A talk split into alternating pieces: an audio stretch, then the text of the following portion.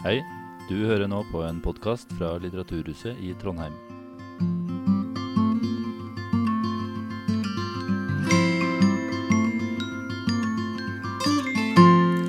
Så hyggelig å se at mange har tatt eh, turen hit jeg skulle ikke si i kveld, men på dagen.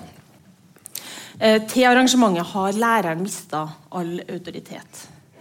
Altså, Er læreren i ferd med å miste all autoritet? Det er jo et av spørsmålene som Clemens ved min side her stiller i boka si, og som nær ble drept faktisk av en voldelig elev, eh, men allikevel ble stående alene i kampen for rettferdighet etterpå.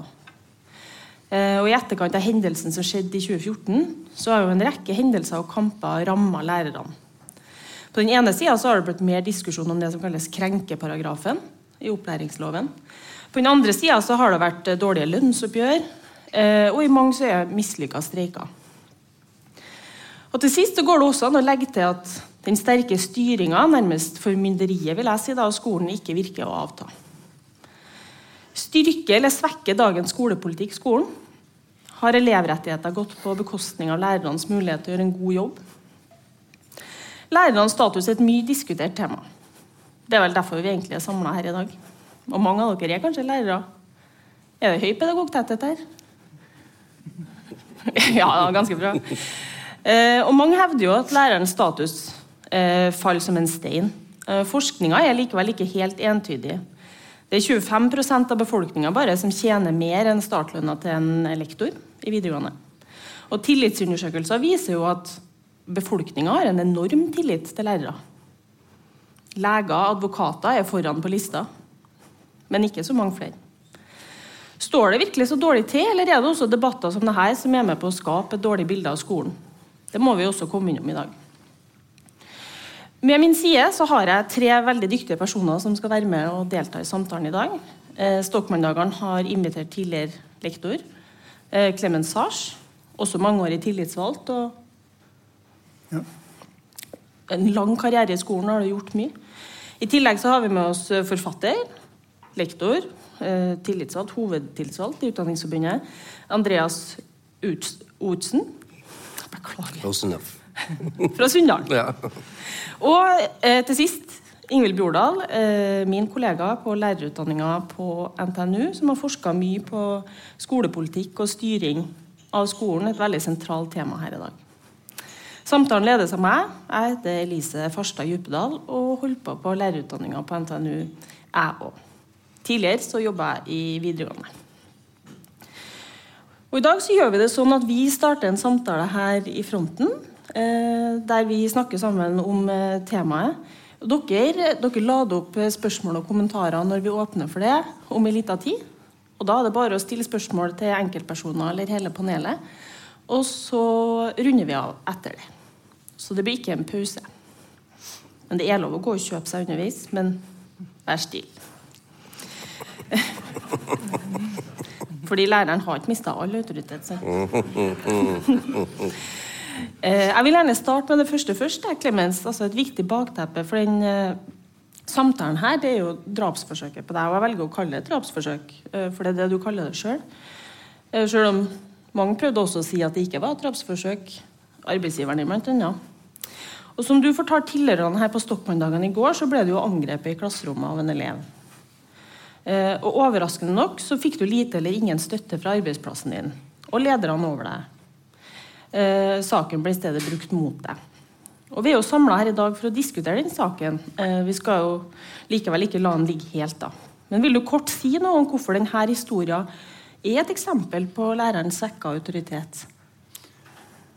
Det kan jeg godt gjøre, men jeg tenker at i august så var det 50 år siden jeg begynte i Sverige mm. Rinkeby som lærer. Og svenske erfaringer og skoleutvikling i Sverige og Norge er veldig lik på mange måter. Jeg kom i 73 for 50 år siden til Aurland i Sogn. Opplevde pedagogisk, et pedagogisk paradis eh, på alle måter. Og lærerens rolle i samfunnet den, den var veldig stabil og god og fin og effektiv. Vi fikk gjort mye bare altså det første halvtimen etter overfallet Den første dagen kanskje så reagerte min rektor normalt. Eller relativt normalt. og anmeldte saken. prøvde å anmelde saken. Han ble selv truet med at hans tenåringsbarn skulle tas. Så det var veldig alvorlig for rektor også. Men han trakk den eh, politianmeldelsen tilbake om sommeren, så var situasjonen helt annerledes. Den ble annerledes etter at skolesjefen hadde grepet inn. Og da endret hele historien seg. For det var jeg som hadde angrepet fem elever som angrep meg. Ikke én, fem. Det var én som skadet min hals. Da endret historien seg til at det var jeg, læreren, som hadde ansvar. Og læreren har alltid ansvar. Vi har en slags hemmelig kodeks vi som er lærere. At vi alltid skal ha kontroll og ansvar i klasserommet. Og det skulle jeg hatt her også. Så mine, elever på Hans, mine kolleger på Hansken mener det fremdeles, til tross for rettssaker har, har fortalt noe annet, at jeg hadde stor ansvar for, jeg, for denne voldsepisoden. For ordet vold fikk man ikke bruke i Oslo skole. Det hadde skolesjefen bestemt. Man skulle bruke uheldige episoder. Og min uheldige episode var at jeg ikke hadde smilt til elevene. Jeg hadde ikke vist dem respekt når jeg åpnet døren når de banket på. Og jeg hadde gjort dumheten å ta eleven på, her, på den måten. Og dermed så var situasjonen snudd. Og, eh, vi, eh, og det, jeg får jo hundrevis av sånne historier, mange, noen verre enn min, tilsendt til meg av folk som ikke står frem, ikke orker mer. Og det handler hele tiden om det samme. Du står alene. Kollegene snur ryggen. Du får ansvar for hendelsen, og du knekker. Et voldsepisode for en lærer gir en personlig knekk som få kommer seg ut av. Men fordi jeg sto på slutten av min karriere, så tenkte jeg at jeg må bidra til de tusenvis av lærere som kommer etter meg. De skal ha en trygg arbeidsplass, og det sikret jeg ved å gå til rettssak. Jeg sikret at arbeidsmiljøloven ikke er en kardemommelov, men en ekte lov. Jeg sikret at vi lærere skal få vite om meget farlige elever. Men min rektor, som ble belønnet med en områdedirektørsjefstilling og ansvar for alle videregående skoler, han fortsetter å holde hemmelig at vi har noen elever som er farlige. Så ingenting, ikke noe endrer seg i Oslo-skolen. Kort svar. Mm. Eh, Andreas, du er jo hovedtillitsvalgt, så nå, på en eller annen måte så kjenner jo du kanskje til denne typen sakskompleks, eller du har hørt sikkert om eh, episoder, eller Jeg lurer på om du vil si noe om eh, lærerens svekka autoritet. Eh, du kan kommentere på Clemens, men du kan også på en måte tenke videre med utgangspunkt i det du kjenner til. Ja. Det er klart at uh, det første jeg tenker når jeg leser eller hører en Clemens snakke, da, er jo, er jo det med, med, med ja, 9a-paragrafen eh, og innføring av det. Vil du kort si hva det er? Eh, ja. Det er jo da den såkalte krenkeparagrafen som kom i 2017 etter uh, et arbeid av Djupedalsutvalget. Han har vi jo hørt om. Ja, ja. Og da Der står det jo det famøse Det står faktisk ikke i loven, da, men det står i forarbeidet at elevens subjektive opplevelse skal legges til grunn for undersøkelsesplikta. Det er den såkalte aktivitetsplikta. Så hvis en elev hvis det er mistanke om at en elev ikke har et trygt og forsvarlig skolemiljø, eller eleven sier det sjøl, så har skolen plikt til å undersøke. Og det er jo for så vidt relativt udramatisk. Og, og selve utforminga av paragraf 9a4 er jo ganske udramatisk. Eh, men så er det praktisering, da. Eh, og det er jo der det kommer inn så alvorlige saker som Clemency, og det er jo det vi hører da på en måte ute i eteren.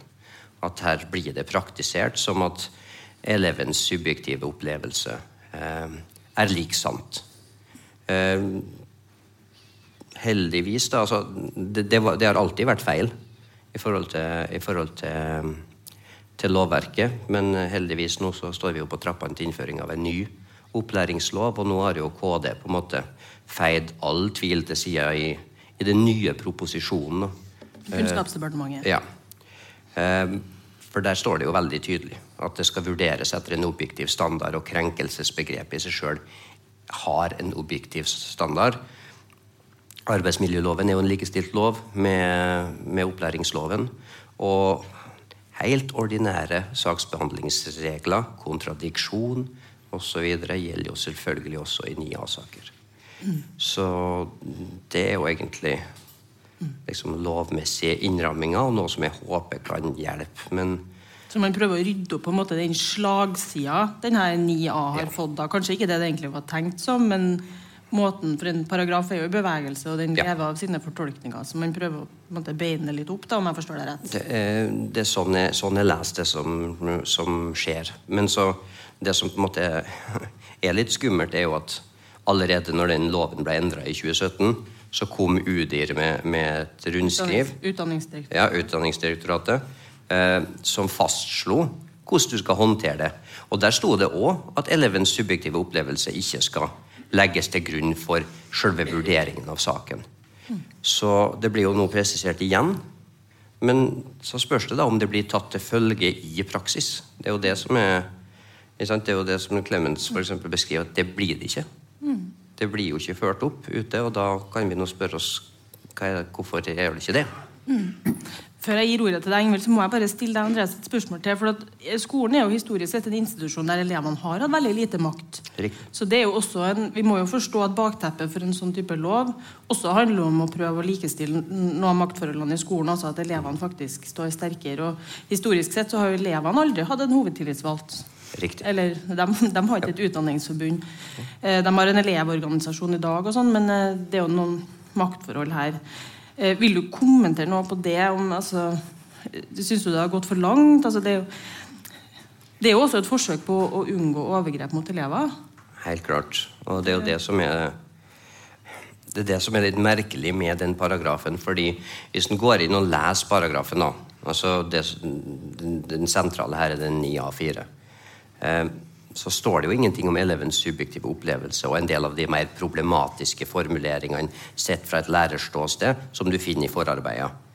Det står ikke i loven. Så loven i seg sjøl tenker jeg var både betimelig og egentlig ikke så verst utforma heller. Men det er da det som skjer i de forarbeidene, og den uklarheten som skjer med en del av eh, formuleringene som blir brukt i den ja, Det blir mye proposisjoner og lover her nå på meg, men det var jo også en proposisjon før endringene kom i 2017. Og, og på det som Djupedalsutvalget og den proposisjonen viser, så er klart at det er jo betimelig at elevene skal ha et vern mot krenking. Så, så mm, vi må ikke på en måte gå, gå så langt at det skal bort. Nei, det er jo, Skolen er jo en, har jo en tendens til å være en sånn grøfte-grøfte-institusjon. tror jeg Riktig. siden si det en gang. Det, vi har vel et Ja, eksempel det er alt, alt eller ingenting. Ja. Eh, Ingvild, du har jo på en måte ikke forska på presis det her, men du har jo forska på, på beslekta tematikker, endringer i skolen litt over tid, og politisk styring er jo noen av de stikkordene du jobber mye med. Uh, hva tenker du når vi sier læreren svekker autoritet, og hva er liksom din innskytelse på temaet? Um, ja. Jeg brukte litt tid, noen, noen dager på å drodle litt på hvordan jeg skulle tenke om dette her. For det er jo sånn som du sier, jeg har jo ikke nødvendigvis Når jeg fikk invitasjon til her, så tenkte jeg først at nei, det, jeg vet ikke helt om det er helt det jeg jobber med. Kanskje noen andre bør inn her. Men eh, så leste jeg boka di, og så leste jeg boka di, og tenkte jeg ok, jeg kan kanskje ha noe å bidra med likevel. Um, og for å følge opp litt det her med denne krenkelsesparagrafen, da, den, og litt det som du sier med Det er kanskje ikke noe feil med loven i seg sjøl.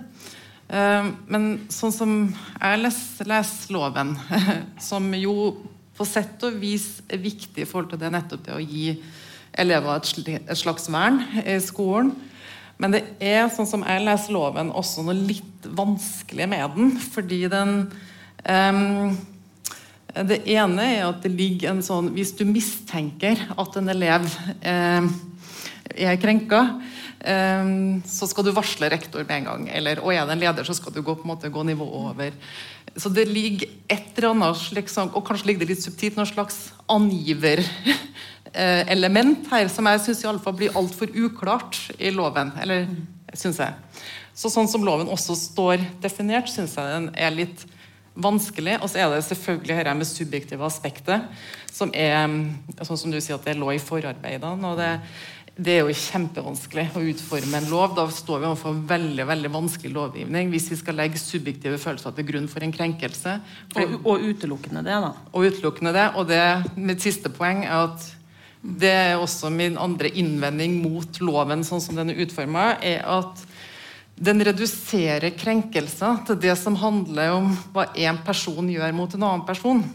Og jeg er redd for at det reduserer krenkelser til det som skjer relasjonelt, og ikke det som skjer f.eks. med institusjonelle krenkelser i skolesystemet. Mm. Som f.eks. at uh, det ikke er ressurser nok til å gi elever spesialundervisning, de som har krav på det. At det ikke er ressurser nok til å ha nok lærere i klasserommet, nok læringsmateriell. Um, rett og slett ikke gi elever det opplæringstilbudet de har krav på. Og Jeg har jo forska mye på det her med fritt skolevalg og finansieringsmodellene i skolen, og ser hvordan det som du beskriver i boka di med fritt skolevalg og stykkprisfinansiering, hvordan det systematisk bidrar til at noen skoler i noen områder i Oslo Jeg har gjort forskninga med i Oslo-skolen i grunnskolen. Blir svekka og får dårligere betingelser. Noen elever i Oslo-skolen får dårligere betingelser enn andre elever. Og sånn som jeg ser det, er en institusjonell krenkelse. Men det har ikke rom i loven. Så man reduserer på en måte krenkelsesaspektet til det som handler om det det én person gjør mot en annen. Og så får lov, på en måte den andre krenkelsen får på en måte ikke lov. Eh, får ikke plass til loven. Og hvis jeg bare kan følge på litt der, så er det jo da helt horribelt at de lærerne som faktisk sier fra og den krenkelsen som skjer institusjonelt, eller strukturelt mer, eh, blir behandla sånn som du er blitt behandla. Mm. Mm.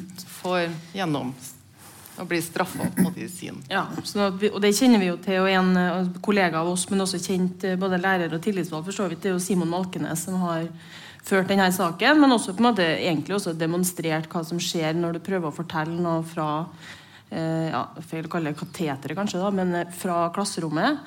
Og Helt uavhengig av hva man mener om Simons sak, så er det jo noe med måten han har blitt møtt av både sine arbeidsgivere og det, som er interessant. Det at han har blitt tatt så utrolig hardt. Eh, for det er det jo ikke noe tvil om at han har, også offentlig.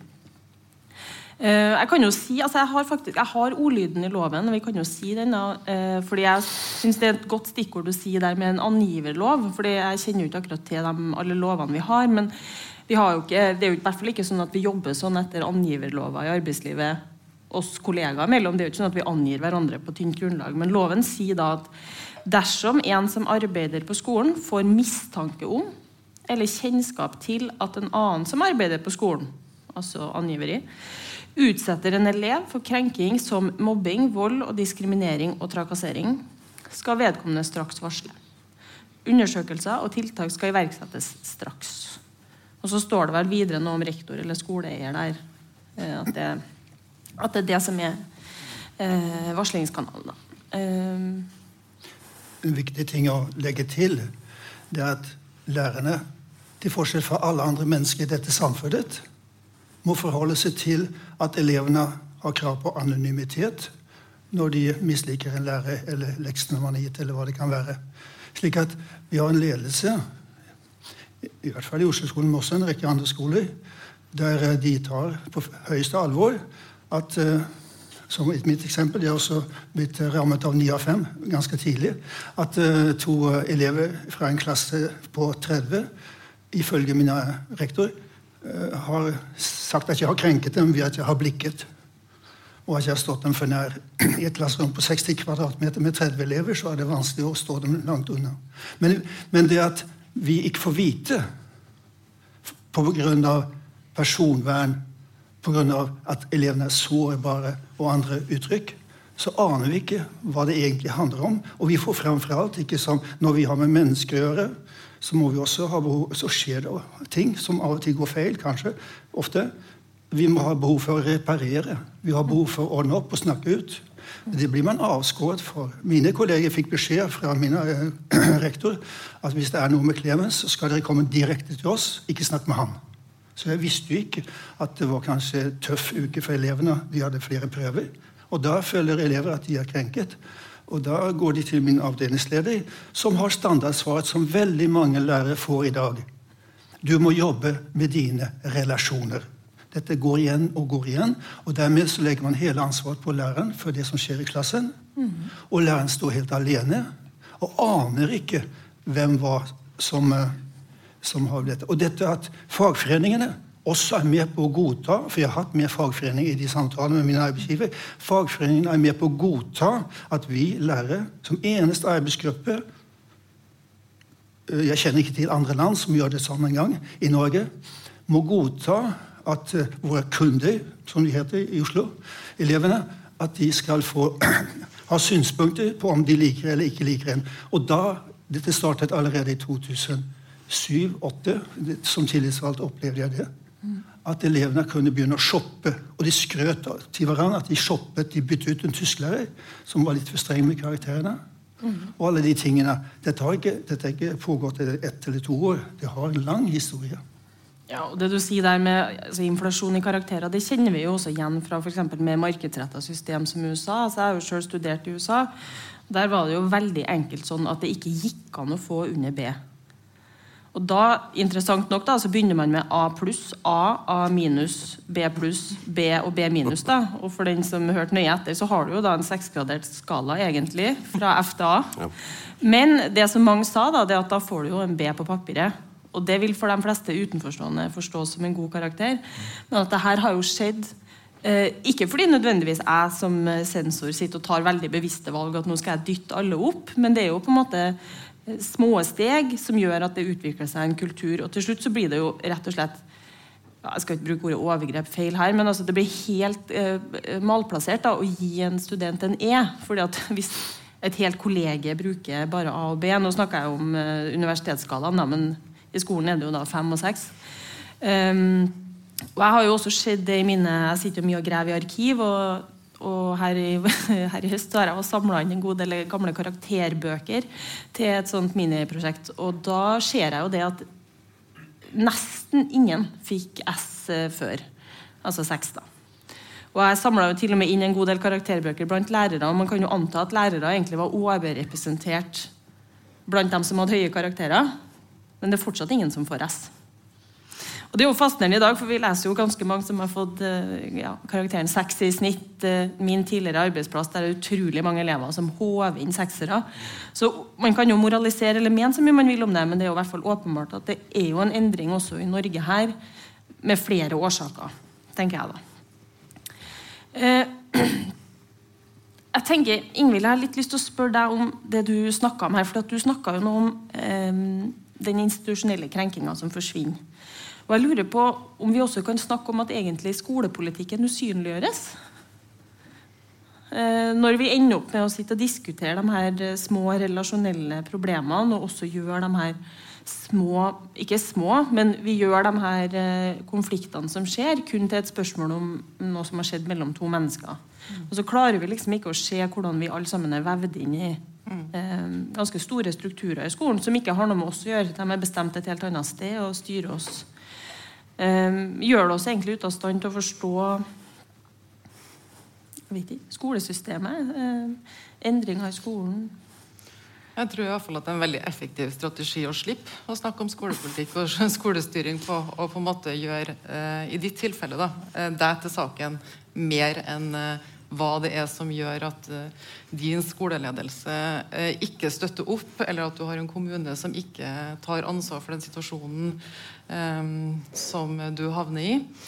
Um, hvis, ja. Um, så det er en veldig effektiv måte å si, ikke snakke og synliggjøre hva er det uh, styringa gjør med de i systemet. Og det som jeg finner av likhetstrekk boka di er jo skrevet fra en videregående skolekontekst. Og jeg har gjort forskninga mi i grunnskolen i Oslo. Um, og jeg tror ikke alt dette bare gjelder Oslo, men jeg tror at det som jeg ser av likhetstrekk, og det som har vært min interesse, har jo vært å se på hva er det som gjør at rektorer handler som de gjør innenfor det systemet. Og, det, um, og de forteller jo veldig mye om hva gjør det, og på en måte f.eks. innenfor et mål- og resultatorienteringssystem, når de blir målt eh, på én hvor lojal de er mot eh, det som er hva skal jeg si, mot eh, kommunens politikk, og to hvor høye resultater de får. Og de får poeng etter hvor lojale de er, og etter hvilke resultater elevene får, og de får lønn etter det. Um, men også omkostningene ved å ikke være lojal. Hva koster det for noen ting?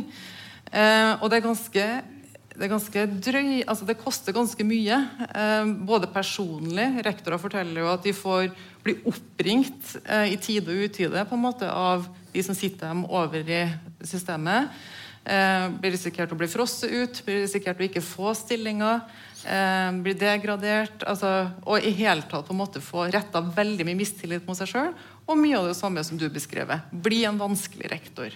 Mm. Eh, så og dette her handler jo veldig mye om eh, hvordan Når man lager skole som på en måte innenfor et sånn markedsstyringssystem, der skoler må konkurrere om elever, og pengene følger eleven, så blir det å ikke rekruttere elever, eller det å få dårlig omdømme på sin skole, gjør at du ikke får elever, og så får du ikke penger.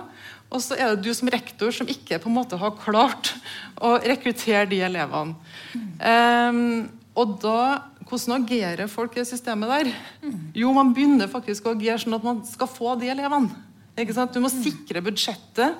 Og Mange av mine, de rektorene som jeg snakka med, de sier at jeg gjør de her tingene her. F.eks. Eh, noen av de skolene som jeg var på, som sleit voldsomt både med utagerende elever med mye sosialt arbeid som de helst skulle ta tak i, lite ressurser på skolen.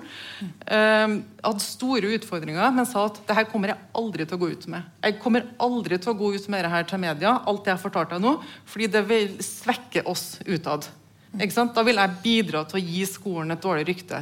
Så det de heller gjør, er å arrangere skolefester med kjendiser i, klasse, på, i skolegården, sånn at skolen får positiv publisitet. Og jobbe, legge ned ekstremt mye ressurser, bruke ekstremt mye ressurser av et lite skolebudsjett på omdømmebygging. Så de skolene som har minst ressurser, bruker også mest ressurser på omdømmebygging, og nettopp for å bygge opp eh, skolen. Uh, og rektorene kan sjøl sitte og se at dette er feil. Men de kjenner konsekvensene av ikke gjøre det. Og sånn som Noen av rektorene sier at de må gjøre dette her av hensyn til de elevene som faktisk går på skolen. Fordi får flere elever, så får jeg færre ressurser igjen til den elevgruppa som er her. Uh, nei, Så det får en del konsekvenser, da. Men jeg må stille noen oppfølgingsspørsmål til det du sa nå. for at, altså, Du snakker om markedsstyring, du snakker om pengebruk på konserter i skolegården. Du nevner omdømmebygging. Og eh, Clemens var tidligere innom elever som kunder. Eh, sist jeg sjekka, så hadde vi en offentlig skole i Norge. Og det høres ut som dere snakker om et helt annet land. Jo, men de mener det. Altså, det er jo en helt ny ordbruk. Det, og jeg lurer på om vi kan forklare det to ord til liksom, forsamlinga. Også fordi Trondheim er en annen kontekst enn Oslo. I sammenhengen her, Men Ingvild, eh, markedsstyring i en offentlig skole, omdømmebygging eh, Jeg vet ikke hva jeg skal spørre om, egentlig. Hvordan havna vi her, eller hva betyr det? ja, eh, men du snakker om da, Oslo-skolen, og du snakker om en norsk kontekst. Ja, Hva spør du om? Liksom? Jeg spør egentlig om hva 17 menes med markedsstyring. Hva menes med markedsstyring? ja, hva er det? Du, nevnte også mål- og resultatstyring. Altså, vil du beskrive litt mer hva er det, hvordan type skole er det du snakker om? Mm. Eh, det høres ikke ut som en offentlig rett opp og ned skole. Um, ja, Det er jo egentlig et ganske stort spørsmål og et ganske komplekst spørsmål. for det har jo, Men med, men med Kunnskapsløftet så fikk vi jo innført en, mer, en skole som på en måte bygger på en skal mer Eh, ja, på New Public Management, egentlig, som innføres innenfor veldig mange andre offentlige instanser og tjenesteområder. Så skolen er jo bare ett av dem. Og det er en læreplanreform som kom det er en læreplanreform som kom i 2006. Mm. Og med den så får vi jo ja, vi får innført mål- og resultatstyring, vi får innført kompetansemål, vi får innført eh, Eh, med reformen så kommer jo også nasjonal kvalitetsvurderingssystem, som gjør at vi får eh, Som en samling på en måte av alle si, målenheter vi kan gjøre i skolen. Altså nasjonale prøver, PISA, Elevundersøkelsen, mm. en del av dette her. Den er for så vidt under revidering nå. Men um, um, også, ikke minst, så i, som en del Når Kunnskapsløftet ble utforma, så ble en eh, utgangspunktet for dem var jo også at Norge fikk kritikk for ikke å vite nok om kvaliteten i norsk skole. Um, så da når den reformen ble innført, så bas ble den basert på prinsipper om at vi må ha mer kunnskap om um, resultater. Vi må ha bedre systemer for å vite noe om hva elever lærer. Da det her kvalitetsvurderingssystemet ble innført. Um, men også en tydeligere ansvarsplassering av um, at lærere skal stå mer ansvarlig for å nå nettopp de resultatene som man blir målt, målt opp mot. Um, så i det så ligger det jo også en større Ja, for da kan jeg avbryte deg litt der og si det. For hvordan kan de her skolepolitiske endringene nettopp påvirke lærerens autoritet? For det var derfor jeg spør det, er jo i kobling her mellom det ene og det andre. Eh, Hva tenker dere i hele panelet? Hvordan har de her skolepolitiske endringene eh, innvirka på lærerens autoritet? Andreas? Ja, nei, her er vi jo helt på linje. da. Eh, Det har hatt en stor betydning. Så vi trenger ikke å være lenger enn til det kundebegrepet. altså Kunden har jo alltid rett. Og i system som kom med Kunnskapsløftet, som ikke bare var en læreplanreform, men en styringsreform, så kom det jo f.eks. krav om at skoleeierne, nytt begrep, kommune og fylkeskommune tidligere, eh, skal begynne å rapportere inn tall til direktoratet på årlig basis. Og Lied-utvalget slo jo fast at eh, gjennomføringa i videregående skole lå ganske sånn jevnt sånn som da. Og så gikk det ett år etter ta, og så skyter den opp. Og da kan vi jo tenke oss da, er det virkelig, Var den så god, den læreplanen? Eller har vi å gjøre med at når du først setter den benchmarken, så er det klart at alle jobber for at vi skal ikke under den. Og, og da ser vi igjen og igjen, da. Og jeg, jeg vet ikke, jeg, jeg har ikke like stor tiltro til rektoren som Ingvild. Eh, blant annet fordi jeg var på VGO-konferansen nå i, i Oslo som Utdanningsforbundet hadde. Eh, og Da snakka jeg med en rektor sånn off the record og var veldig fornøyd med at de brukte data så grundig i Oslo-skolen. da. Eh, og da drev de å kalkulere sånn ut ifra en elevs sosiale bakgrunn, på? Sånn, samme måte som skolebidragsindikatorene. Hva, hva er det vi kan forvente per avdeling av gjennomføring? Ja, når du har sånne elever, du kan forvente da forventer vi godt gjennomført arbeid, 67% gjennomføring. Det er et system som er designa for å promotere uetisk atferd, etter mitt syn. For da er det ikke et læringsmål, det er et resultatmål. Ja, da Du er naiv hvis du, hvis du tror at avdelingslederne da ikke passer på at det er ikke noe stryk her. Sant? Og det heter vel Campbells lov? Ja. At vi på en er måte justerer oss etter de Ja. målene som finnes. Og det, det finnes vel også et eksempel på Det er vel Oslo-skolen som satte som mål at man skulle eliminere eller fjerne spesialpedagogikk. Eh, med det hensikt at man tenkte at man skulle eh, kurere elever. Da. Og Det syns jeg er veldig fascinerende, fordi spesialpedagogikk er jo at du på en måte er døv og blind og masse medfødte ting da, som Oslo-skolen skulle få til opphør. Og så Året etter så var det jo veldig mange skoler at spesialpedagogikken var, det var null. Null spesialpedagogiske vedtak. Riktig. Og det er jo fascinerende, fordi at mest sannsynlig så handler det om en, eh, en innordning etter systemet. Det handler ikke om at folk plutselig begynte å se, eller at, eller at alle diagnoser forsvinner. Eller det vet ikke jeg om, men det er mest sannsynlig, men må jeg bare si. da. Men det er jo riktig, og det, og det er jo det vi, vi ser mer og mer, da, dessverre. Og, og, og spesielt eh, nå kommer jeg fra videregående, så det er jo det med gjennomføring som er på en måte den store ledestjerna der, da, og det skal opp. Det skal opp, det er bestemt det skal opp. Og det er på en måte ingen Alle skal gjennom. Alle skal det. Og nå er det 80 ikke sant? opp fra 70% for bare et par år siden. øh, år siden. Og, og det er klart at til lenger opp vi kommer der, til mer kompliserte utfordringer har den elevgruppa som vi da skal prøve å presse gjennom. Og at de tror at vi skal klare det uten mer ressurser.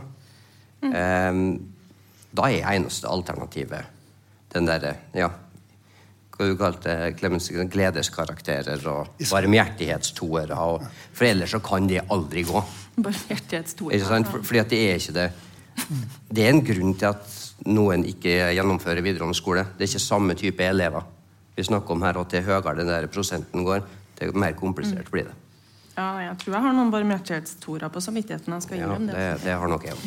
Men altså, Clemens, du har jo jobba 50 år i det her systemet. Du ble ansatt i 53. Eh, Ikke 53. Nei, nei, nei, nei 50, det er 73! Nå, 73 stemmer. I, I Norge 73. 73, ja, fordi det jeg skulle si da, det er jo 50 år siden vi innførte eh, et felles læreplanverk og Enhetsskolen. Mønsterplanen. Mønsterplanen. Mønsterplan 74. Og du kom jo til Norge, og hvis jeg forsto historien din rett, så var det kaotisk og vanskelig å få seg jobb i Sverige. Og i Norge så hadde vi jo vedtatt niårig skole, men vi hadde jo på ingen måte lærerressurser til å klare å øke da opplæringstida fra sju til ni år. Og du fant Hva heter det? Norsk Lysningsblad? Nei. Var min bror som hadde forelska seg i en uh, chilensk pike i Oslo. Ja. Så han reiste med tog, og hjem så fant han et, eh, en avis som han trodde skulle være spennende. Så så han Norsk Lysningsblad. Norsk Lysningsblad. det har vi, sånt har vi ikke i Sverige. Og i Norsk Lysningsblad der sto det er. Der stod det Norsk Lysningsblad. Ja, det er der offentlige stillinger blir lyst ut. Man lyser ut. Fantastisk.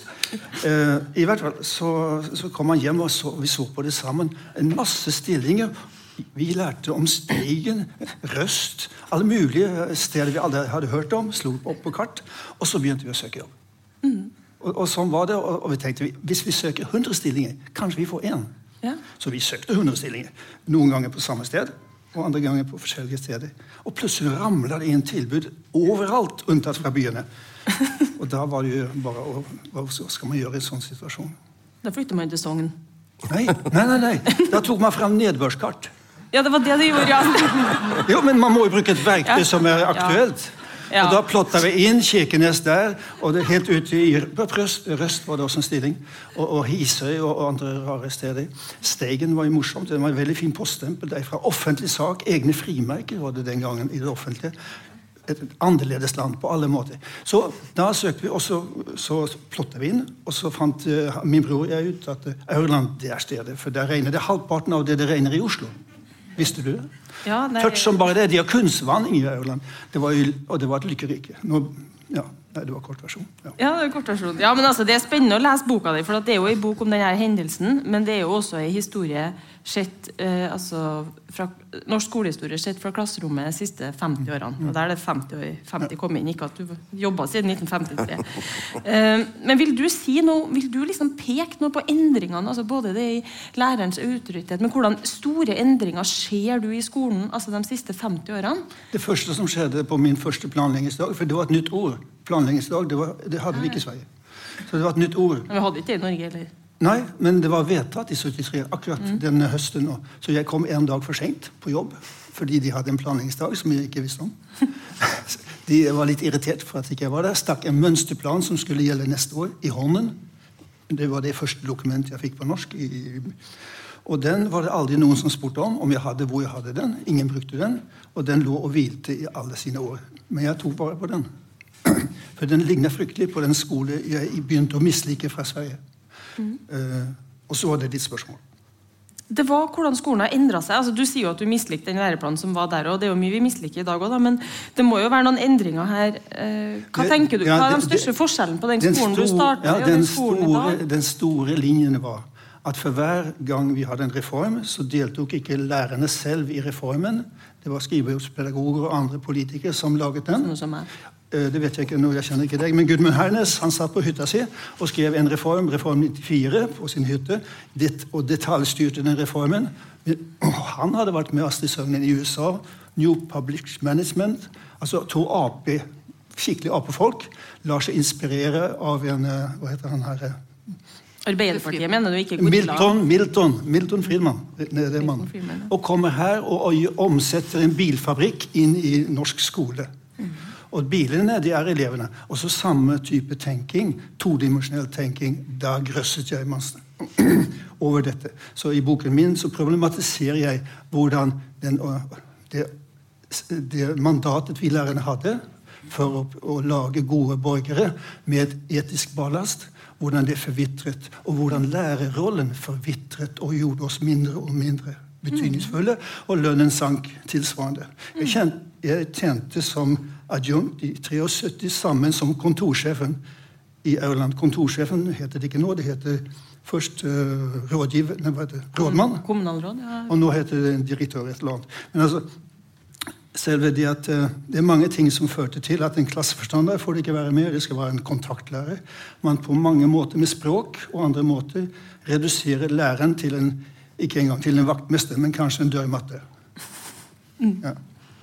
Fordi vi har jo ingen rett, Som lærer har man absolutt ingen rettigheter mer. Vi er totalt rettsløse med denne 9 av 5-loven. Den er grov. For det skulle aldri vært vedtatt. Mm.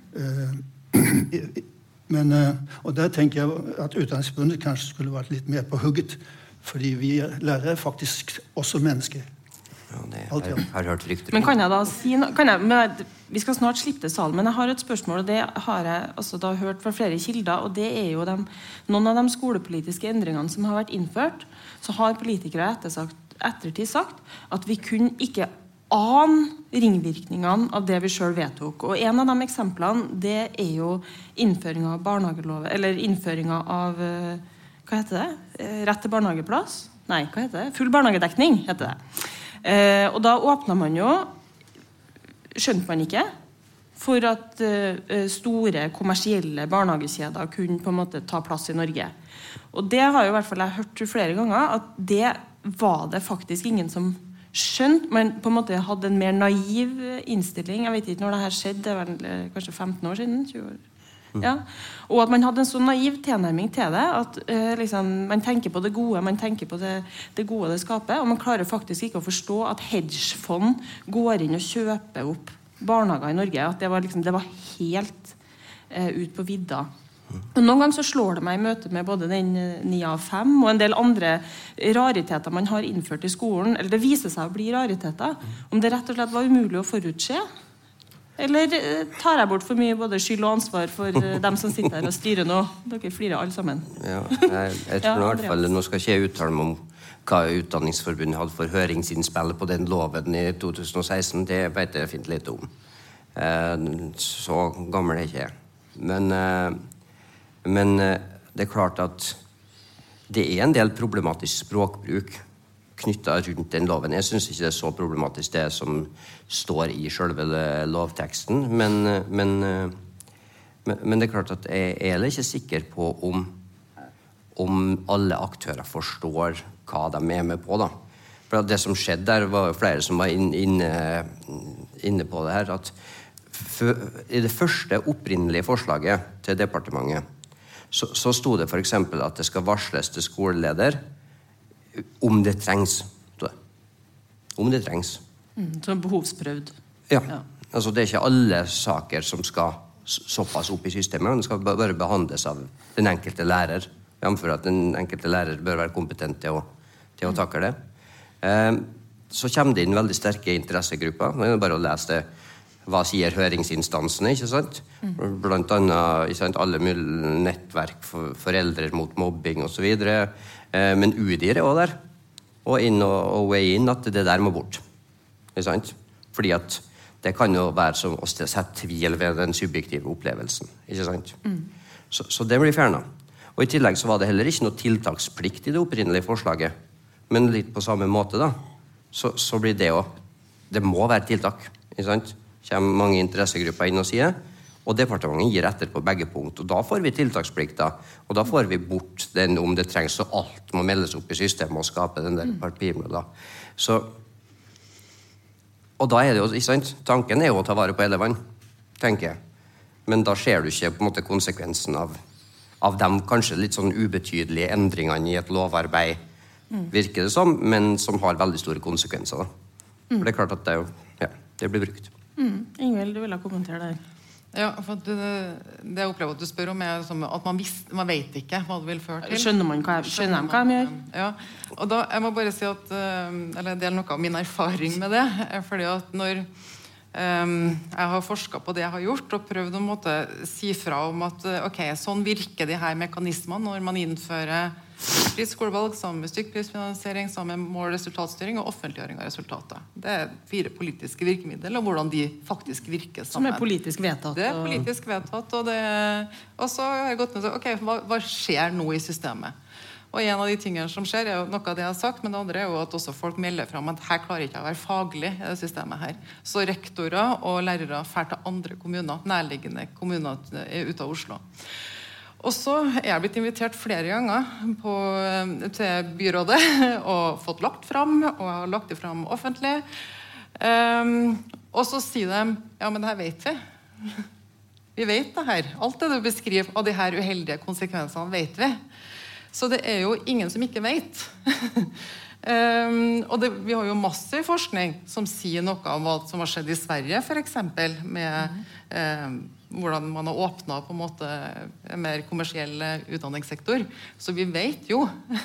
Så det er noe helt andre hensyn tenker jeg, som ligger her, enn at de ikke vet. Så den eh, kjenner jeg, det tror jeg ikke på lenger.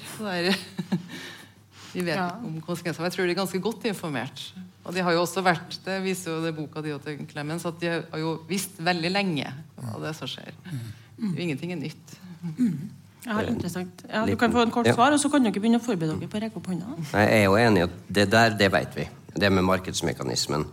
Men jeg er ikke helt sikker på om de visste akkurat det med NIA og krenking på samme måte. Da. Der er forskninga ikke like, like solid. Da. Så jeg er helt enig med mm. markedsmekanismen. Og det, hva skjer når du setter kvantifiserbare resultatmål? Eh, det vet vi. Mm. Ja.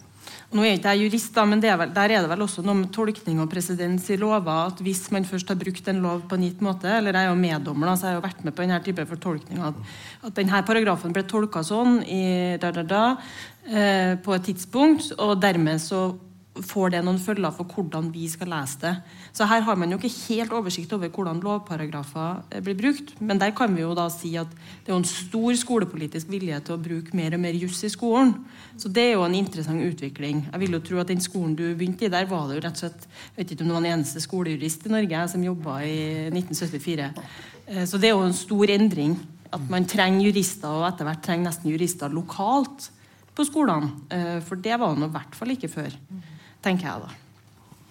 Fordi vi På Oslo Handelsgymnas har vi i 15-20 år eh, vant oss til at elevene kommer med en advokat eh, på foreldremøte. Bare som et eksempel. Ja, det var, det var en bra avslutning før vi åpnet spørsmålssalen. Ja, uh, ja det, jeg har faktisk også opplevd det. faktisk. Så det er ikke bare et sånn tulle, tulleeksempel. Uh, er det noen som har noen spørsmål til det spennende panelet vi har her? 50 års erfaring, forskning, masse å komme med. Ja, det kommer sikkert rundt en mikrofon, vil jeg tro, så dere får prata høyt. Og så presenterer dere først, da. Så får dere bare... Jeg tenkte på det her um, generelle problemet med at alle Vi skal bare snakke om uh, skolen og videregående som en positiv historie. Som en sånn management bullshit, om man kan si det sånn. Hvordan greier man å få bort det og snakke om de problemene som fins i klasserommet, med eh, forstyrrende elever som tar bort eh, fokus fra alle de andre elevene som gjerne har, lyst på å lære noe? Eh, det er jo også et problem som henger sammen med lærerens autoritet. Læreren er ikke i stand til å få, få til undervisningen om det er en masse elever som, som bråker for mye. Uh, og kanskje det er ikke lov å snakke om at det er noen problematiske elever i klassen. Uh, for at uh, vi har jo bare plass for å snakke Være positive hele tiden om hva som foregår på skolen vår. Så hva skal vi gjøre for at det er plass for å snakke om de problemene som fins med, med urolige elever i klasserommet? Vil du si noe om det, Emil? Jeg? Ja, hva skal vi gjøre med det? Nei, altså det var med ja. Um, nei, jeg tenker at uh, altså, vi, vi, Så lenge vi vil ha den skolemodellen vi har, og uh, jeg heier nå på den, uh, og da er det har vi jo en fellesskolemodell som på en måte favner eh, store grupper, og da er det jo alle elever med alle forskjellige interesser og behov um, som er samla. Men det krever ressurser. Så min eh, inngang til det der vil jo være å si at ja, jeg heier på skolemodellen, men det må jo være en modell som kun overlever hvis vi har ressurser til å kunne håndtere det elevmangfoldet. For hvis vi ikke har ressurser til å håndtere det, så skaper vi argument for å legge ned modellen. Sånn at eh, ja, vi må ha ressurser. Og leir, flere lærere i klasserommet. Mindre klasser. ja. Clemens?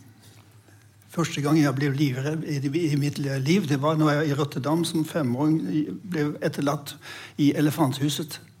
Da var jeg livredd, for det var jeg alene mot en kjempestor elefant. I denne saken her så ser jeg denne elefanten fremdeles. Den er det ingen som snakker om. Ingen som vil se elefanten i rommet. Og den gangen i 1957, det var en svær elefant. Det er foreldrene. Ingen snakker om foreldrene. Ingen snakker om foreldrene som en, den viktigste gruppens samarbeidspartnere som vi hadde, som vi hadde i Aurland og fremover, og som vi samarbeidet tett med. Og der vi delte verdier og måter hvordan vi gjør det. Hvordan vi grensesetter kjærlig og tydelig. Alt dette er forvitret. Vi må tørre å invitere foreldrene og i samarbeid snakke om hvordan vi lærer to, tre, fireåringer oppover å ta hensyn, vise empati, fungere sammen i gruppe. Nå er hele lovverket, nå er hele måten å jobbe i skolen individualisert ekstremt. Og Det er et kjempeproblem. For i klassen min på Handelsgym så hadde jeg altså 30 prinser og prinsesser som hjemmefra var helt unike. Og når de da kommer 30 sammen, så blir de veldig fort krenket, for de får ikke all oppmerksomheten. Nå setter jeg det litt på spissen, men forskjellen du spurte i sted om det, fra den gang og nå, det er at foreldrene sto 100% sammen med oss som oppdraget. Rollen som, vi, som det står i vår stillingsinstruks at vi har i grunnskolen. Vi har en oppdragerfunksjon. Mm. Ja, er fascinerende. Og der kan jo jeg, må, Hvis jeg kan få lov å kommentere kort på det, og Jeg er jo ikke helt ublu i sammenhengen her, jeg er jo også forsker. og det har jo også Skolens innhold og skolens utforming har jo endra seg veldig mye på 50 år. Så et av de spørsmålene jeg er interessert i, det er jo hvordan skolen gjør noen til bråkmakere. rett og slett. Og Jeg kan ta et kort eksempel. og det er jo at uh, Fram til 1987, og egentlig litt lenger, utover 90-tallet, så var det mulighet for én til to dager valgfag i uka på ungdomstrinnet. Og tenkte, Det ga en mulighet for å både dyrke evner, talent, interesser. Du kunne velge tysk. Jeg snakka med tanta mi nettopp. Hun hadde porselensmaling, av alle ting. Eh, og Det var masse valg, men det var også mulighet for yrkesutplassering. Og Spørsmålet er hvordan klarer dagens skole å romme det elevmangfoldet som går der? I dag er det opp til meg som lærer å være tryllekunstner. Mens før så var det en variasjon på tvers av timer og klasser.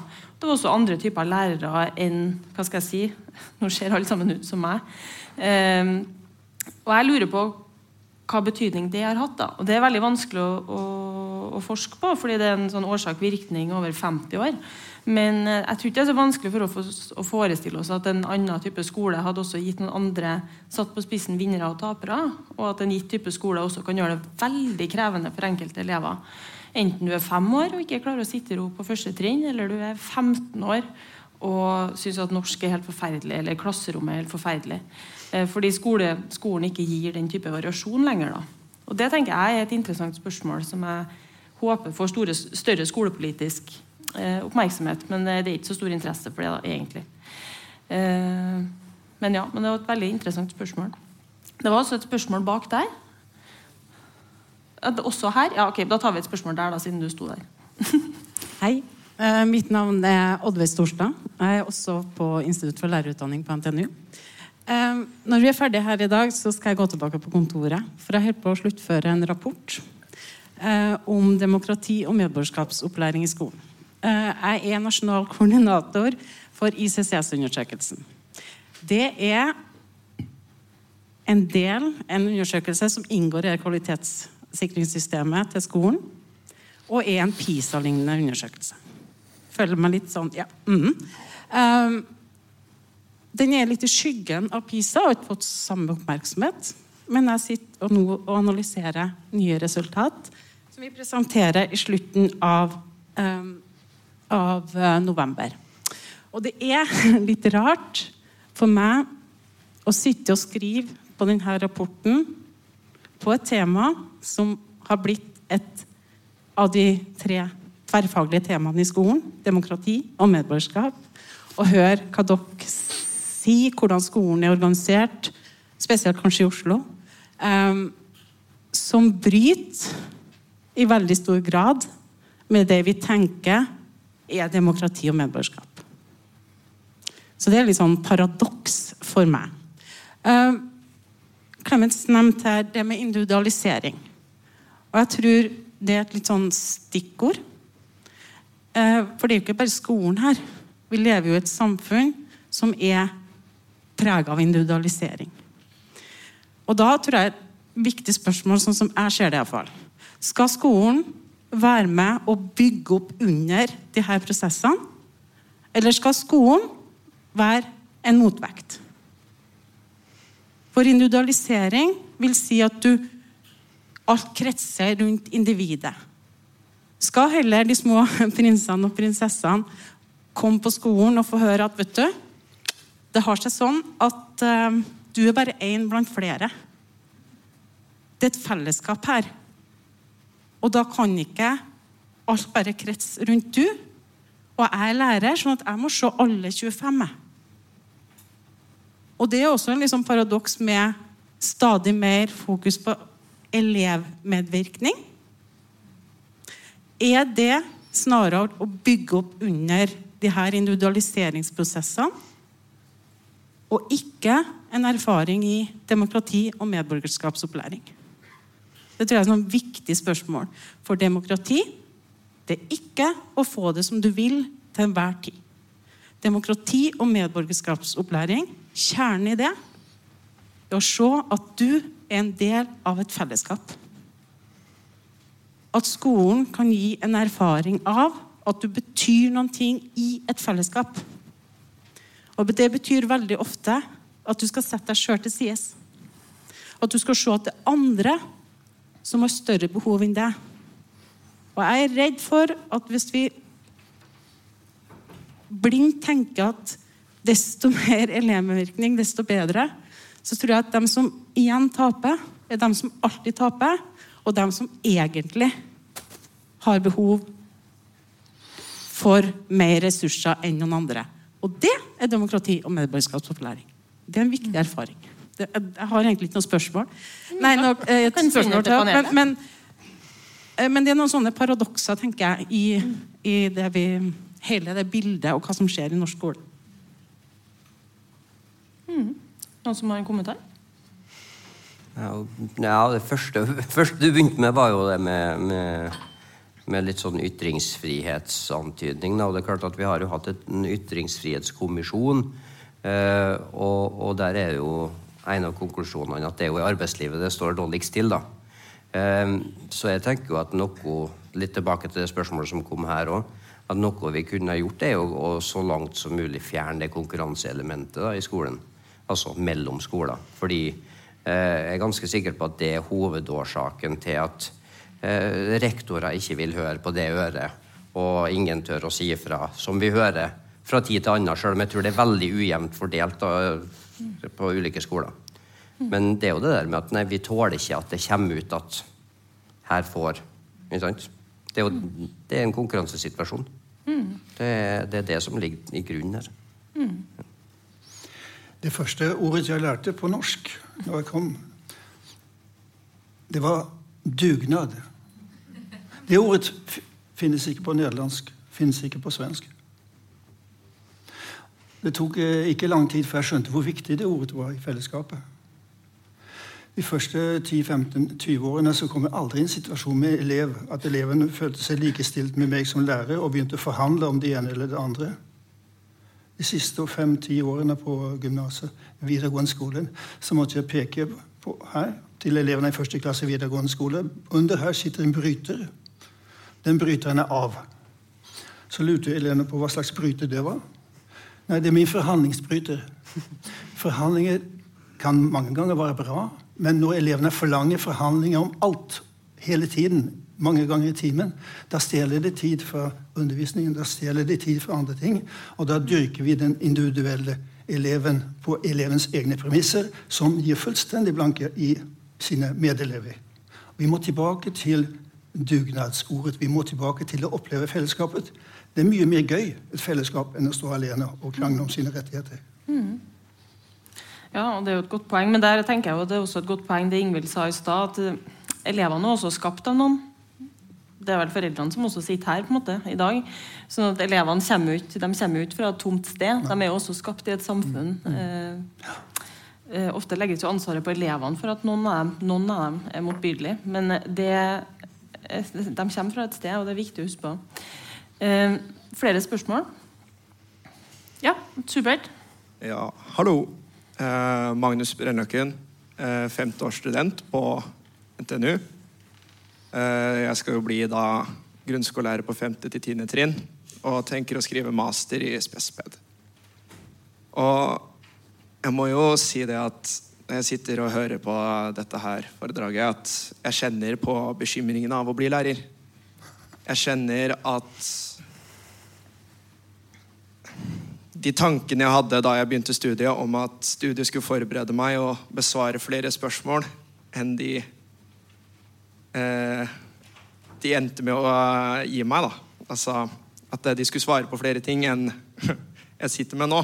Det hadde jeg.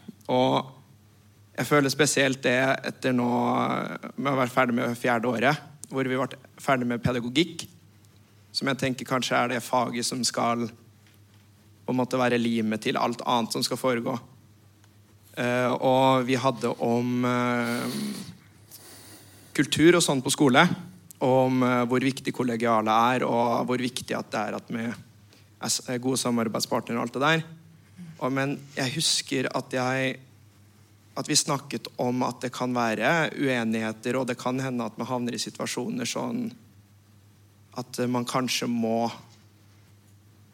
fortelle da, til rektor at eh, jeg, jobber med en, og jeg opplever disse tingene og sånne ting. Um, at vi snakka om det. Og vi fikk en case som vi skulle reflektere over, men vi fikk aldri noe svar på hva man egentlig skulle gjøre. Vi fikk ikke vite hva som er lurt å gjøre, om man skal ta den kampen, eller om man skal la være. Og jeg sitter jo igjen litt med den bekymringen fortsatt. Eh, nå på femteåret med null mer pedagogikk, og på foredrag om dette hvor jeg får høre resultatet av å kjempe imot dette systemet.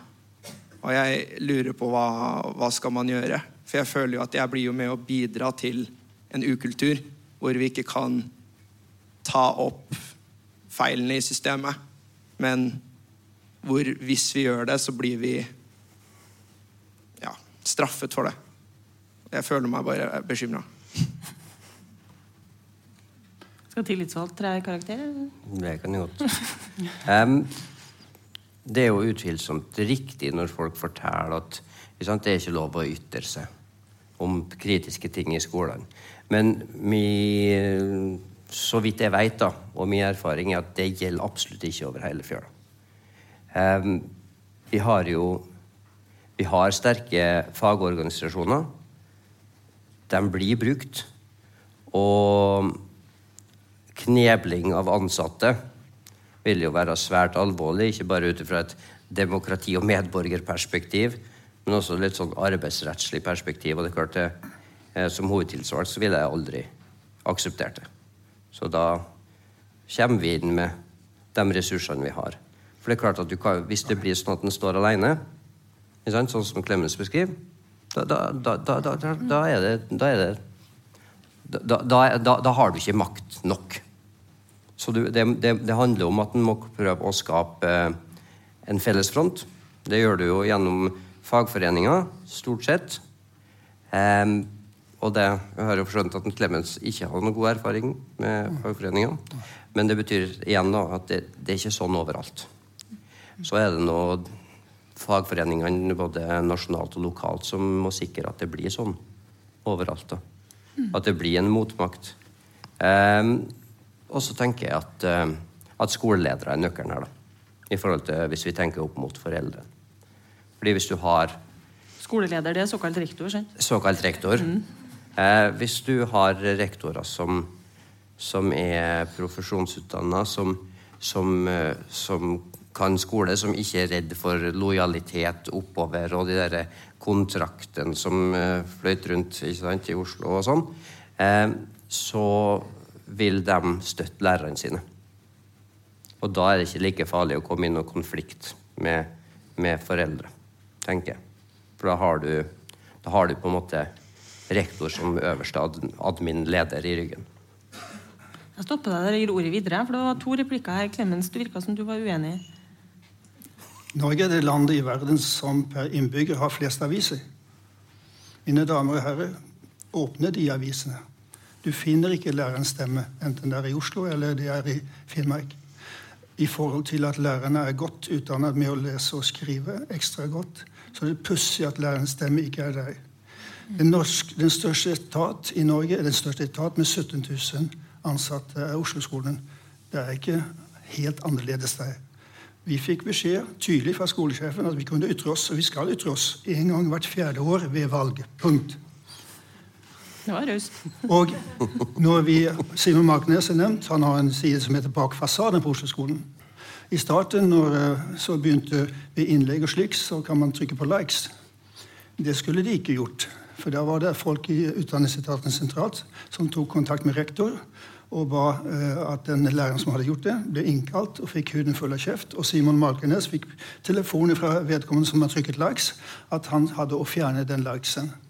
Altså Det er en sensur og en selvsensurkultur i skolen som jeg tror ikke Og jeg vet det er ikke sånn bare i Oslo, det er over det ganske land. I forhold til de, de lærerne. Jeg var jo 44 år i tjeneste før jeg oppdaget temaet vold. Jeg ante ikke at det var vold i skolen. Jeg hadde ikke sett det. Jeg er ikke blind. Men plutselig så åpnes en helt ny verden som jeg ikke visste om. Fordi jeg kom i en situasjon der jeg var en ressurs. Fra å være en ressurs til å være et problem. Og det er når du blir et problem for skolen oppover. Mm. Da må du ut. På samme måte som PISA-undersøkelsene. Mm. Der tar man og tester, og testregimet har blitt et konsum av tid og ressurser etter 2006. Der må i Oslo som andre steder inn med elevene, de skal testes. Vi trener på testing, men vi fjerner også bunnen, de som har lavest karakterer. Og det har vi tusen grunner for at de skal være hjemme den dagen. Ja. Mm. Ingvild, du hadde òg en kommentar til Det var ikke meninga å flire. Ja. ja. Nei, det er egentlig litt for at uh, akkurat den erfaringa som du har, det møter jeg jo ganske ofte i lærerutdanninga. Uh, og så er det ofte som jeg møter den derre Men vi får ikke beskjed om hvordan vi skal gjøre det. uh, og det er jo helt riktig. at i hvert fall Men det handler litt om at det å være profesjonell handler om å både Jeg skal si du skal sitte på en kunnskapsbase som du på en måte skal gjøre selvstendige vurderinger av i, altså i den konteksten du havner i.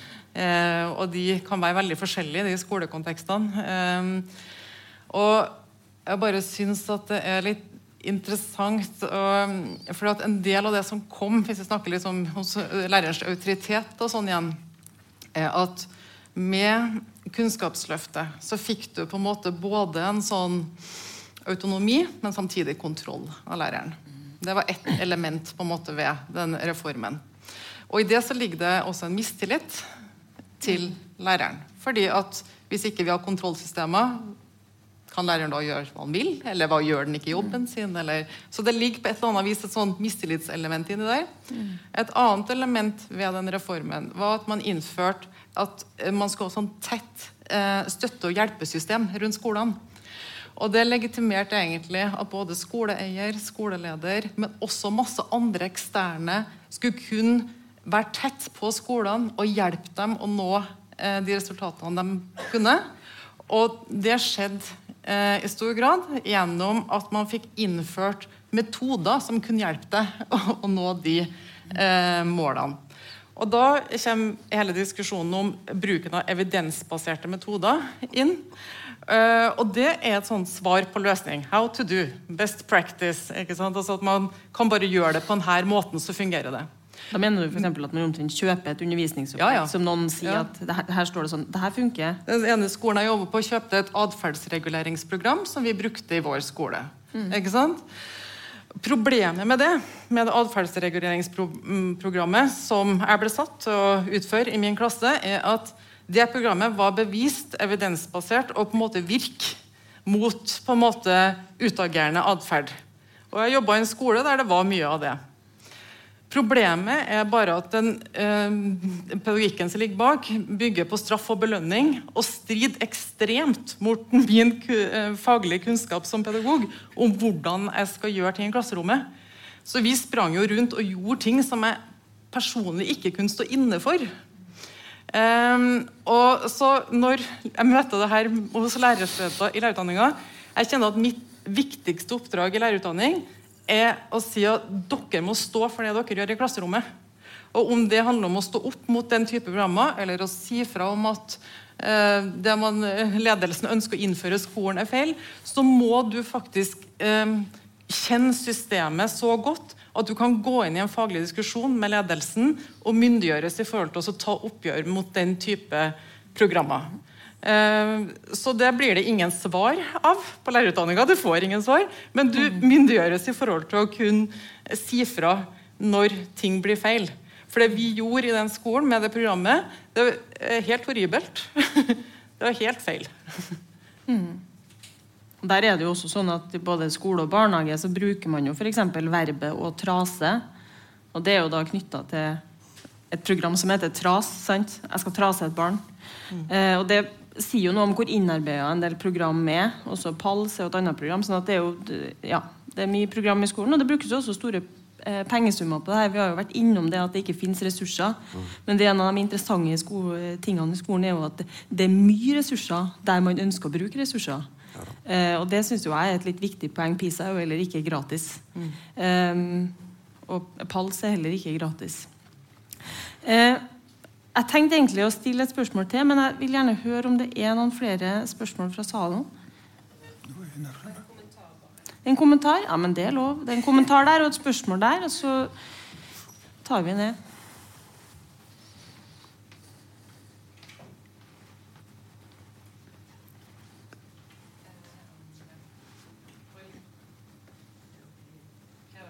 Det er ikke lyd. Nå er det lyd. Takk. Jeg heter Gyri Kallestad og er her som forelder. Eh, så jeg hadde bare to ting jeg vil si. Tre ting, egentlig. Mm. Første tingen er at eh, jeg har erfaring både fra Oslo-skolen og Trondheim-skolen. Og det er ganske likt. Og det er mangel på ressurser som er liksom den det store overbygningen her, og da må man jo snakke om. Og da må vi foreldre snakke om. Mm. Og da er punkt nummer to. Vi foreldre må snakke om dette. Vi må framsnakke lærere. Ekstremt viktig. Eh, hvor viktige lærerne og støtter lærerne i den jobben de gjør. Og jeg har møtt utrolig masse flotte lærere mm. på begge disse skolene som mine barn går på. Men jeg ser at de har et stort problem med at de er for få folk på jobb. Altfor mange elever. Så de kan ikke ta tak i disse her problemene som gjør at det blir uro, f.eks. Mm. Eh, siste ting. Det var et eksempel fra en lærer, som jeg selvfølgelig ikke skal navngi, men han sa at i Oslo-skolen, på den skolen han jobber på, så brukte de ressurser på å observere elever i timen. Hvor masse tid de brukte på å se ut vinduet i løpet av undervisningstimen. Mm. Og det var helt absurd. Og det sa han til oss. Og jeg tenker at for meg så er det liksom Ja, man bruker ressurser på det man vil bruke ressurser på. Ja. Mm. Og det gjelder lenger opp enn det dere har makt over. Det vet jeg. Så ja. Da. Mm. Takk.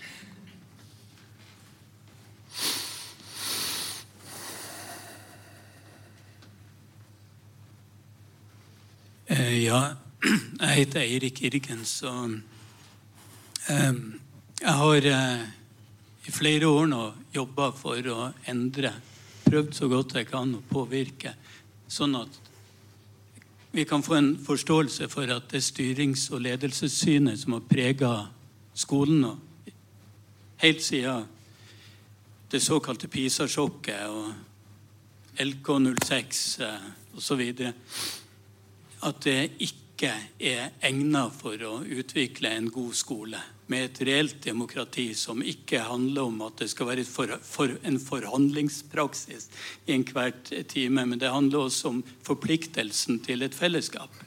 Mm. Um, og uh, jeg sier ikke det for å fortelle at jeg har gjort en sånn stor innsats, det er ikke det, men, men jeg har prøvd på, det, altså på overordna nivå og påvirke. Jeg har Vært på i Stortinget, vært i departementet, vært i direktorat osv. Men hvem er du, Eirik? Du må si det. Hvem er jeg? Ja, hva, hva holder du på med? Eirik liksom? Irgens har vært professor nå på NTNU i en del år i utdanningsledelse. Ja, det er meg, det. Mm. Um, og så, så uh, men, men, altså det, det som Altså, det tar tid å endre på et overordna nivå. Det gjør det. Det er sånn enorm innsats som skal til på alle nivåer. Fag, eh, tillitsvalgte, fagforeninger osv. Hele systemet. Midt oppi det der så har vi lærere som skal på jobb i morgen. Og jeg er ute og jobber i skoler. og jeg kan ikke drive og fortelle om liksom, at jeg har vært i departementet og sånn, og, og bruke opp eh, masse tid sammen med lærere på, på, det. De er interessert i hvordan skal vi mestre vår hverdag. Så vi har så mye sånn eh, 'knowing that'-kunnskap nå. Og så trenger vi mer 'knowing how'-kunnskap som handler om ja, men hva gjør vi i vår skole. Hvordan kan vi lage en enda bedre skole? Og da tenker jeg at Det er et par ting vi ikke har tatt opp i dag. Det er f.eks. at um, ja, vi er i, i, i, ferd med å fornye den gamle uh, kun, altså Kunnskapsløftet LK06. Vi har LK20.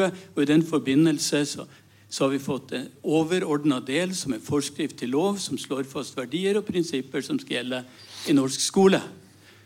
Og uh, der får vi også beskrevet en elevrolle og en lærerrolle som er ganske tydelig beskrevet, og hvor lista legges høyt. Og så står det mindre om lederrollen, dessverre.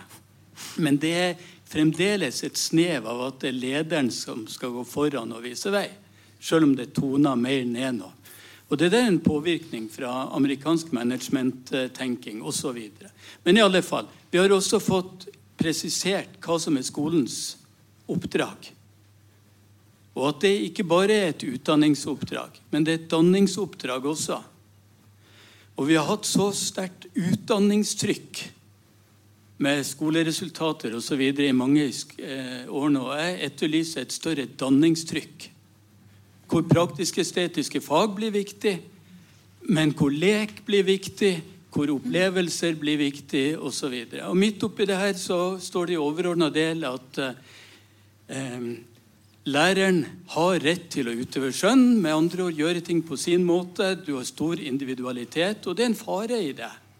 Men det står også at alle ansatte skal engasjere seg i skolens profesjonelle fellesskap og være med å utvikle skolen. Og det er der jeg tenker det er viktig å rette fokuset mot sånne ganske grunnleggende spørsmål som hva vil vi skal kjennetegne måten vi driver vår skole på? Vi. Altså, vi som møter de samme elevene, teamet vårt. Hva skal vi stå for? Når er det viktig at vi er på linje i møte med elevene? Når er det sånn at noen må, må gi opp sine kjepphester til fordel for at når vi kommer inn i klasserommet nå, så vet vi at vi representerer ikke bare oss sjøl, men også kollegene som skal ha samme klasse neste dag, f.eks. Hva bør vi gjøre i vårt team, på vårt trinn, for å møte elevene med noenlunde samme forventning og jobbe med de samme normene? Slik skal vi ha det i vår klasse. Det var noe av det som slo meg. Overordna del er viktig. Det er et, et verdigrunnlag verdikompass for hva vi skal gjøre i skolen, hvis vi jobber med det i skolene. Hvis ikke, så blir det bare store ord og fett flesk. Tusen takk. Takk skal du ha, Erik. Eh, en kommentar der, så skal vi begynne å runde av etter det. Ja, nei, altså, det er kloke tanker.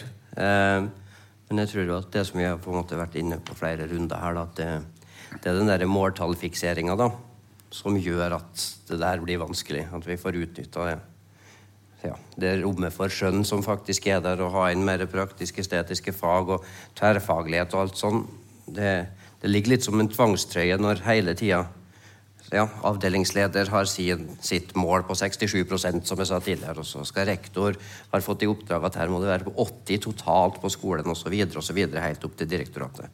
Og da, ja, da er det vanskelig å få plass til det, det som vi jeg, opplever, jeg kan se for meg de fleste her er enig i, at danning er faktisk ja, en like stor del av det som er formålet med, med skolen. Mm. Mm. Ja, og Hvis jeg kan eh, si noe som jeg synes er interessant med det du sier, ikke sant, at endringer, Vi snakker om at endring i skolen sant, er tregt, og det vet vi. Og Jeg snakka med dem som evaluerer seksårsreformen jeg snakka med hun ene i går, og hun sier det er ikke måte på hvor fort de klarte å fjerne leken. Så når man virkelig vil endre noe, så er det jo gjort på et semester. Da var leken bort. Var det noen som lurte på noe? Sa hun, da. Og det syns jeg er interessant, fordi det peker jo også på at eh, ja, det er penger noen steder, det er penger eh, nei, det, Vi er blakk på andre områder. Så det er noen interessante ting med denne institusjonen skolen. Altså. Jeg skal bare avslutte kort med å utfordre dere litt på veien videre. For mye av det vi har vært innom, har jo på et vis vært dystert, kan vi si. Men det, det, er også noe med å fortelle hvordan det ser ut både fra gulvet, men også hvordan skolen ser ut i dag.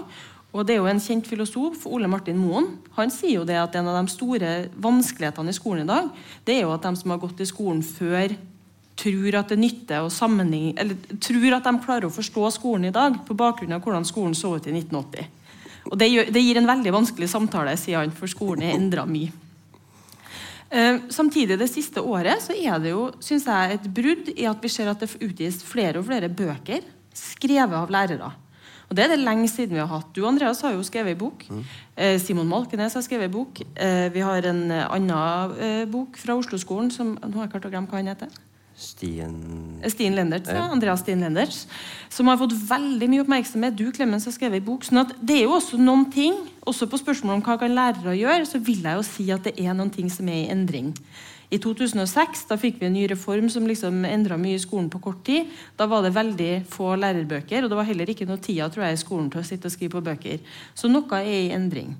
Men jeg vil likevel utfordre dere litt på hva eh, Hvis dere skal se inn i spåkula Nei. Eh, hvor tenker dere at skolen er på vei? Sant? Eirik løfter jo opp noen ting. Det er noen ting som skjer i positiv retning, kanskje. Eh, hvor står vi om fem år? Hvor står vi om ti år? Når vi setter på, på spørsmålet om lærerens autoritet. Tror dere? Klemens, du kan starte. da. Du som har levd lengst. jeg som snart skal dø. Når jeg rundet 60, så hadde jeg et prosjekt i hodet. At jeg tenkte jeg må levere noe til mine barn og barnebarn. Og jeg tenkte jeg skal skrive en bok om hvor fantastisk det er å være lærer. Jeg har så mange gode historier fra katedren og fra klassen. Og det kunne fulgt mange volumer. Uh, men jeg tenkte jeg må, fordi jeg har på en måte lyst å levere at det er et fantastisk yrke å være lærer. Det tror jeg mine barn vet veldig godt. fordi uh, det, Som lærer så kan du påvirke unge mennesker og styre dem og hjelpe dem videre med sine talenter og, og, så videre. Så det, den, uh, den, ideen falt i fisk. Og så fikk jeg en variant av en bok der det både er mye fint, men også en del mindre bra i. Jeg tror at det er arbeidsgiveren eller skoleeier, som det pussig nok heter, som er nøkkelen, og foreldrene. Men først og fremst skoleeierne. De må tilbake og støtte lærerne, slik at det blir troverdig. Ikke sette i gang tillitsreformer og andre greier. Nei, gå på plassen, besøk lærerne, oppsøk dem, og vis støtte. Rektorene må vise det i handling. Fordi når lærerne blir trygge, så får du trygge forhold i klasserommet. Det smitter. Så enkelt er det. Og det kan skje over natten hvis mm. viljen er til stede. Men man må først ta av seg eh, dette ideen om omdømme, omdømme, omdømme. Når jeg ble overfalt, Det første som skjedde, det var at min avdelingsleder kom til mine elever og sa at dere må ikke snakke om dette, fordi dere skal vite at det blir en dårlig historie. Da får vi ikke søknader til vår skole, og da får vi problemer med økonomien. Og mine tre fjernkulturelle eh, fjerne elever som nettopp hadde kommet til landet, de skjønte ingenting. Men den opplevelsen var at hver og en av dem er verdt 100 000 kroner. Den satt, for det visste ikke de. Den satt, Og dermed så måtte de ikke si at de hadde vært vitne til et drapsforsøk. Et grovt drapsforsøk som gjorde at de, eh, som virkelig eh, preget dem. Og det gjør dem fremdeles i dag. For læreryrket var og skal være et fantastisk yrke. Og før i Sverige måtte jo flykte holdt jeg på å si til Norge, fordi det var så mange som ville bli lærer i Sverige den gangen. Det var så populært og godt betalt. Det er jo annerledes nå. Slik at Vi må tilbake til at læreren skal være som mor og far den trygge person som supplerer oppdragelse. Mm. Takk. Kan du gjenta spørsmålet? Eh, status på lærerens autoritet om ti år? eller hvordan, ja. Hva ser du hvis du ser inn i spåkula? Du har jo et litt annet ståsted. Du forsker, du forsker på dine ting. Hva tenker du? Hva står på spill, og hvor er vi på vei? Um, jeg tror Um, vanskelig å si. Men jeg tror at um, alle de her bøkene og alle de lærerne som sier fra, og alle foreldreopprørene som er rundt omkring i Norges land og etter hvert, som sier fra om ressurser som Jeg tror jo alt det som man um, sier fra. Jeg tror det hjelper. For jeg tror at det stiller politikere De må svare på andre spørsmål. De må på en måte Forskninga di, Elise, som eh, viser hvordan noen fag får eh, større plass enn andre. Hvilken kunnskap det er som får plass i skolen, og hva det kan koste for noen ting. Det tror jeg er veldig veldig viktig. Og jeg tror at det beveger noen ting, selv om ikke hver enkelt bidrag kan kjennes ut som om det gjør det. Så tror jeg at samla sett så tror jeg at det eh, beveger noen ting. Um, og så tenker jeg jo at uh, den herre Jeg får alltid sånn Det er sånn bismak den her, sånn, hvordan heve lærerens status. Jeg får sånn, det er et eller annet ekkelt med det der spørsmålet, fordi at det er en sånn som om vi kan få et politisk satsingsprogram som liksom skal heve det. altså sånn Uavhengig av den konteksten som læreren jobber i.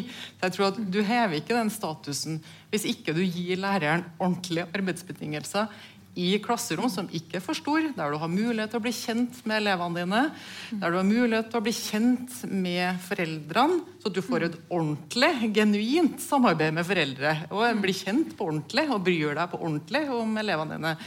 Og ikke bare eh, Og nok ressurser til å ta tak i ting når det trengs. Og ikke minst at lærere får lov å eh, hva skal jeg si, um, Det blir trygt å si fra om ting. At de kan ha sitt eget pedagogiske språk, og ikke sånn nytale, viser du til. Altså at det, er mye sånn økonomisk språk som har kommet inn i skolen, som på en måte også har gjort at språket forsvinner litt fra sånn som vi egentlig snakker. Eh, og så at eh, lærere på et eller annet vis jeg, jeg, er litt skeptisk til alle de her programmene og manualene som skal si hvordan vi skal gjøre pedagogisk praksis. For jeg tror at det gjør at lærere ikke blir ansvarlig for den praksisen som står der. Altså som det eksempelet jeg viste i stad, Jeg har aldri følt meg så lite faglig i praksisen min som når jeg brukte noen, noens andres program. Tenkt om hvordan jeg skulle agere i klassen. Så jeg tenker at det der må bort. Lærere må få lov å gjøre de skjønnsmessige vurderingene som man må. Fordi da blir det intellektuelt krevende å være lærer. Da blir du ansvarliggjort i forhold til den praksisen du har. Du kan stilles til ansvar for den, og du blir ordentlig, skaper ordentlige og genuine relasjoner med eleven. Og det tror jeg, hvis man gjør det, så hever statusen til lærere. Mm. Ja, det, var, det, var, mer en løsning enn en sånn hvor er vi? Andreas, du avslutte, da. Eh, jeg må det. Så, for det er jo, Hvis jeg skal se i spåkula, så er det noe som er litt sånn negativt, og noe positivt. Og da må du ta det negative først, hvis det er som er sist. Eh, det som er negativt, er jo de eh, demografiske endringene vi ser. Eh, og så lenge kommuner, fylkeskommuner, spesielt primærkommunene, vil jeg påstå, eh, da kommer til å være nødt til å skifte de ressursene som vi alle sitter og etterspør, fra oppvekst til omsorg. Eh, det har allerede begynt. Det kommer til å bli verre. Det vil ikke være bra for da spesielt grunnskolen. Mm. Du har ikke den, helt den samme utfordringa i videregående fordi du konkurrerer ikke med helse uh, der. Om budsjettmidlene, rett og slett. Det er det samferdsel vi stort sett prøver å hakke på. Ja. Det er alltid en vei som må bygges. Så, så, det, det, det syns jeg er en litt skummel utvikling. Men det som er bra, er at jeg tenker at nå når opplæringslova kommer på ny, vi får presisert hvordan 9a, som nå blir kapittel 12, da, var tenkt egentlig hele tatt å praktiseres. Uh, vi har fått lønn på uh, agendaen gjennom streikevirksomhet. Og jeg tenker at de bøkene da, som vi skriver, stadig flere av oss, kanskje er med på å sette et fokus på at ting er ikke sånn som det skal. Og så håper jeg litt på Tine Preutz og Frøydsutvalget, eh, som kommer da med en revidert versjon av Nasjonal kvalitetsvurderingssystem, mm. som det heter så fint. Eh, som kanskje kan gjøre at en del av den måltallfikseringa blir litt dempa. Mm. Eh, så alle de tingene tenker jeg ser jeg positivt på. Ja, Det syns jeg var en fin avslutning. Flere av dere har jo vært innom det at det har kommet tungt konkurransepreg inn i skolen på flere nivå. Og vi har jo faktisk et utvalg nå som kan kanskje vri på noen brytere. Og Det er jo vanskelig å si både om det får noe å si, om de velger å vri på bryterne, og, og, hva som kommer til å skje, men det er jo noe oppløftende i at det kanskje kan skje endringer som også er på både egentlig lærerne og elevenes premisser i, i framtida. Da vil jeg si tusen takk til dere og gir dere en varm applaus.